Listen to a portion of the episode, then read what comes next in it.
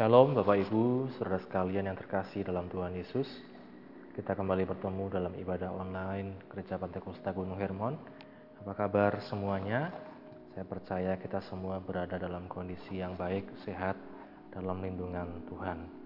Kita akan sama-sama belajar dari firman Tuhan. Mari sebelumnya kita berdoa bersama-sama.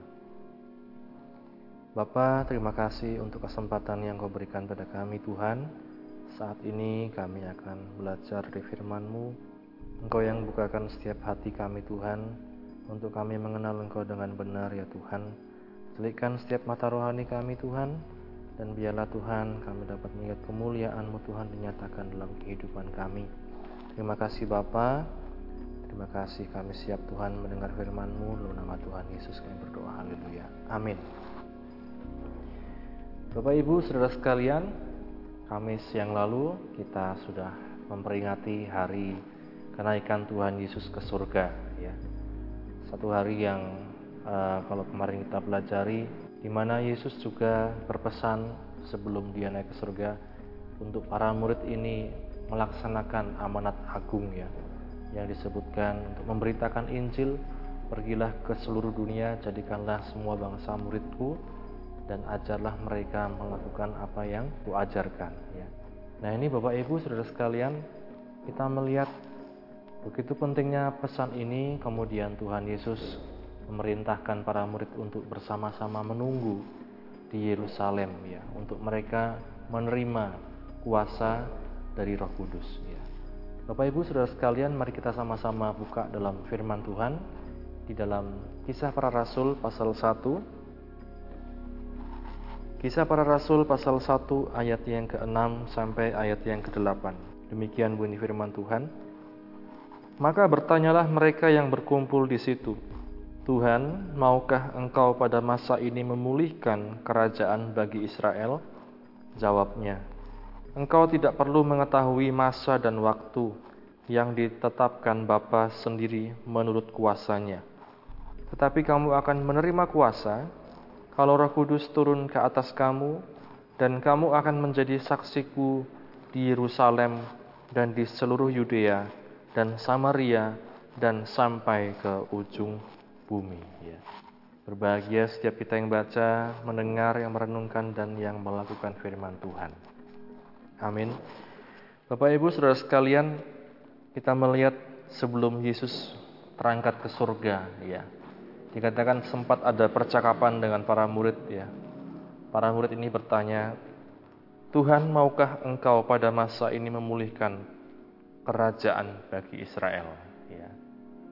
Para murid ini masih memiliki satu konsep pemikiran bahwa Yesus datang itu untuk memulihkan kerajaan Israel. Yesus datang untuk membebaskan Israel dari penjajahan pendudukan bangsa Romawi ya.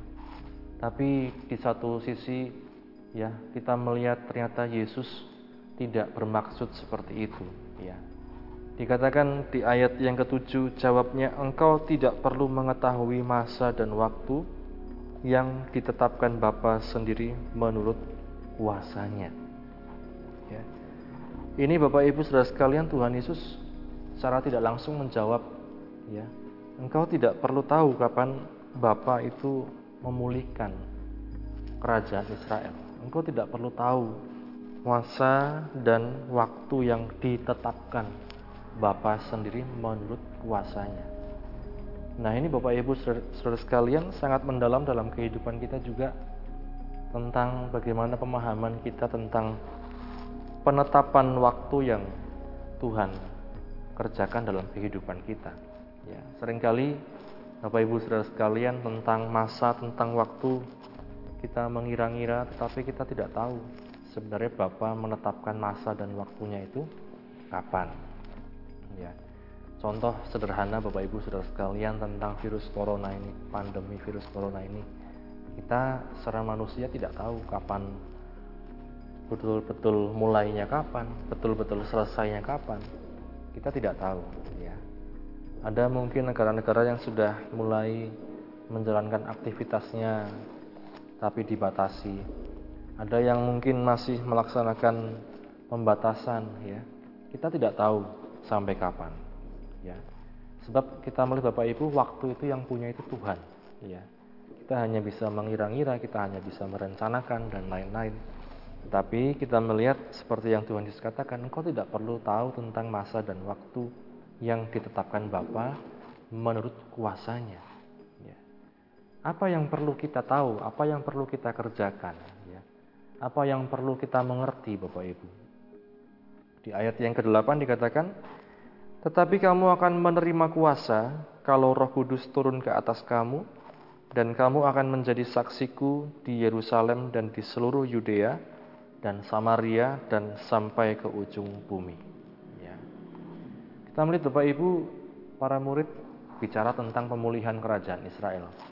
Tuhan Yesus bicara tentang bagaimana para murid ini dapat menjadi saksi, bukan hanya di Yerusalem, bukan hanya di Yudea, tapi sampai ke Samaria dan sampai ke ujung bumi.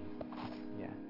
Kita lihat Bapak Ibu Saudara sekalian, rencana Tuhan dalam kehidupan kita sering kali berbeda jauh dengan pemikiran kita. Berbeda jauh dengan perencanaan kita. Kita rencananya seperti ini, ternyata Tuhan punya rencana yang sangat jauh ya. Sangat jauh melebihi dari apa yang kita rencanakan. Sangat berbeda. Ya para murid yang berpikir tentang pemulihan kerajaan Israel, tetapi Yesus yang berbicara tentang kuasa yang diberikan ya untuk para murid ini menjadi saksi di Yerusalem, di Yudea, di Samaria sampai ke ujung bumi. Ya.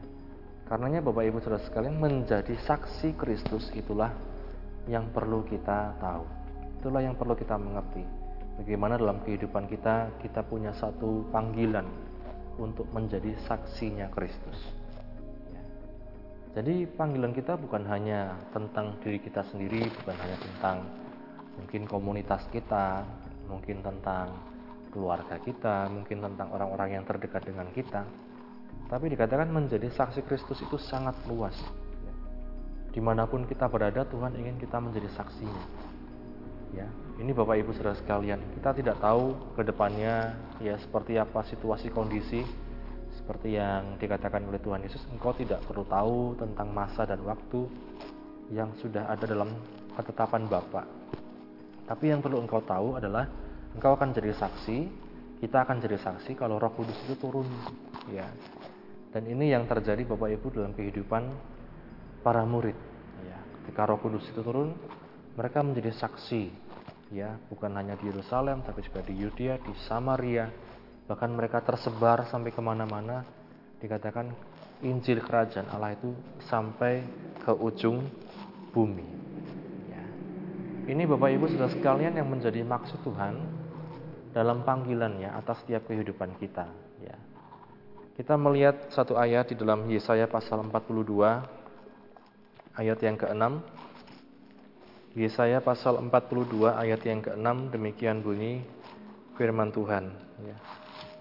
Yesaya pasal 42 ayat yang ke-6 Aku ini Tuhan telah memanggil engkau untuk maksud penyelamatan. Telah memegang tanganmu. Aku telah membentuk engkau dan memberi engkau menjadi perjanjian bagi umat manusia menjadi terang untuk bangsa-bangsa untuk membuka mata yang buta, untuk mengeluarkan orang hukuman dari tempat tahanan, dan mengeluarkan orang-orang yang duduk dalam gelap dari rumah penjara. Ya. Ini Bapak Ibu Saudara sekalian, apa maksud panggilan Tuhan dalam kehidupan kita dikatakan? Itulah maksud penyelamatan. Ya. Kita hidup bukan hanya untuk diri kita sendiri, tapi dikatakan kita harus menjadi saksinya Kristus untuk apa? Untuk maksud penyelamatan. Contohnya apa yang dikatakan oleh penulis Yesaya di sini katakan untuk membuka mata yang buta, untuk mengeluarkan orang hukuman dari tempat tahanan, mengeluarkan orang-orang yang duduk dalam gelap dari rumah penjara. Kalau diartikan secara luas ya, secara rohani juga dikatakan untuk membuka mata yang buta ya, secara rohani belum mengerti tentang Kristus, belum mengerti tentang Tuhan, dikatakan kita bisa dipakai Tuhan untuk menjadi alat Tuhan untuk membuka mata orang yang buta. Ya. Yang kedua dikatakan untuk mengeluarkan orang hukuman dari tempat tahanan. Ya.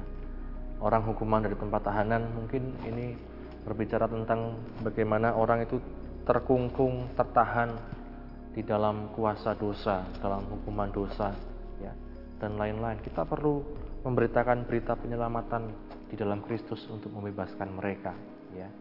Dan dikatakan yang duduk dalam gelap dari rumah penjara, ya. Berbicara tentang orang-orang yang hidup dalam kegelapan, ya. Kehidupan yang gelap, ketidakmengertian, ketidaktahuan tentang Tuhan, ya. Bahkan dikatakan duduk di dalam gelap dari rumah penjara, terkungkung begitu lama dalam satu tempat yang sempit, ya, dalam satu hukuman. Ya, ini Bapak Ibu, setiap kita memiliki satu tugas, satu panggilan untuk menjadi saksinya Kristus. Ya, bukan sekedar khotbah, bukan sekedar melayani di mimbar, ya, tetapi dikatakan untuk membuka mata orang buta, untuk membebaskan orang dari tahanan, untuk kemudian juga mengeluarkan orang-orang yang duduk dalam gelap dari rumah penjara. Dan itu sebabnya dikatakan sangat penting dalam hidup kita. Kalau kita menjadi saksi Kristus itu dikatakan adalah kita perlu Roh Kudus di dalam kehidupan kita. Ya. Kita tidak bisa melaksanakannya sendiri, kita tidak bisa melakukan panggilan kita sendiri, tapi kita perlu Roh Kudus dalam kehidupan kita. Kamu akan menerima kuasa kalau Roh Kudus itu turun ke atas kamu. Dalam bahasa aslinya dikatakan kuasa ini dinamis ya. Satu energi yang menggerakkan. Kalau mungkin dulu kita punya mainan ya, mobil-mobilan ada dinamonya itu bisa bergerak, bisa menyala dan lain-lain. Tapi kalau tidak, ibarat seperti satu benda yang begitu saja ya tidak bisa berbuat apa-apa. Demikian juga kita Bapak Ibu, kita perlu menyadari kita ini hanya alat di tangan Tuhan. Kalaupun kita melakukan dengan kekuatan kita sendiri Bapak Ibu, sering kali akan menghasilkan kekecewaan. Ya. Tapi mari kita lakukannya dengan kekuatan yang dari Tuhan, dengan kuasa yang dari Tuhan. Itulah kuasa Roh Kudus. Sangat penting dalam hidup kita Bapak Ibu, untuk kita menjadi saksi Kristus, kita perlu Roh Kudus dalam kehidupan kita, menggerakkan kita, membuat kita bergairah, bersuka cita, memiliki damai. Ya, para murid Bapak Ibu ditinggalkan Tuhan, Tuhan naik ke surga dikatakan para murid kemudian berkumpul bersama-sama. Mereka berkumpul bersama-sama ibarat sekarang mungkin ya lockdown ya, karantina di rumah, isolasi diri di rumah. Untuk apa? Untuk menantikan pencurahan Roh Kudus. Ya. Demikian juga dengan kita Bapak Ibu Saudara sekalian, Roh Kudus tercurah untuk menggerakkan kita, untuk memampukan kita menjadi saksi Kristus. Ya. Mari kita sadari panggilan kita. Jangan kita hidup hanya dengan pemikiran dan rencana kita sendiri, tapi mari kita tanya pada Tuhan, Tuhan apa yang kau rencanakan dalam hidupku? Ya. Salah satunya kita melihat apa yang Tuhan Yesus katakan adalah menjadi saksi Kristus. Bukan hanya untuk melayani saja, melayani yang terlihat, tetapi untuk seperti tadi dikatakan membuka mata yang buta, ya, membebaskan orang dari tahanan, kemudian membebaskan orang juga yang duduk dalam kegelapan dari rumah-rumah penjara. Itulah Bapak Ibu Saudara sekalian yang menjadi panggilan Tuhan atas kita sekalian. Dan kiranya Roh Kudus yang terus memampukan kita bertahan sampai akhir menjadi saksi Kristus. Amin firman Tuhan, mari sama-sama kita berdoa. Bapak, terima kasih untuk kesempatan yang kau beri kepada kami Tuhan. Kami bersyukur ya Tuhan, sering kali Tuhan kami berpikir tentang rencana kami sendiri. Seringkali kami merencanakan semuanya dengan pemikiran kami sendiri ya Tuhan. Mari Tuhan sadarkan setiap kami bahwa Engkau memanggil kami untuk menjadi saksimu ya Tuhan. Untuk menjadi saksimu Tuhan di mana pun kami berada Tuhan. Lewat apa pun yang bisa kami kerjakan ya Tuhan. Dan untuk menjadi saksimu Tuhan kami butuh roh kudus Tuhan. Untuk selalu memenuhi kehidupan kami. Selalu menggerakkan kami, memampukan kami. Roh kudus memampukan kami untuk melakukan firman-Mu. Memampukan kami untuk menjadi saksi Kristus. Terima kasih Bapa menterikan firman dalam kehidupan kami. Dan memampukan kami untuk melakukan setiap firman-Mu. Ampuni segala dosa kesalahan kami Tuhan. Dalam nama Tuhan Yesus Kristus kami berdoa dan mengucap syukur. Haleluya. Amin. Terima kasih, Tuhan Yesus memberkati kita sekalian.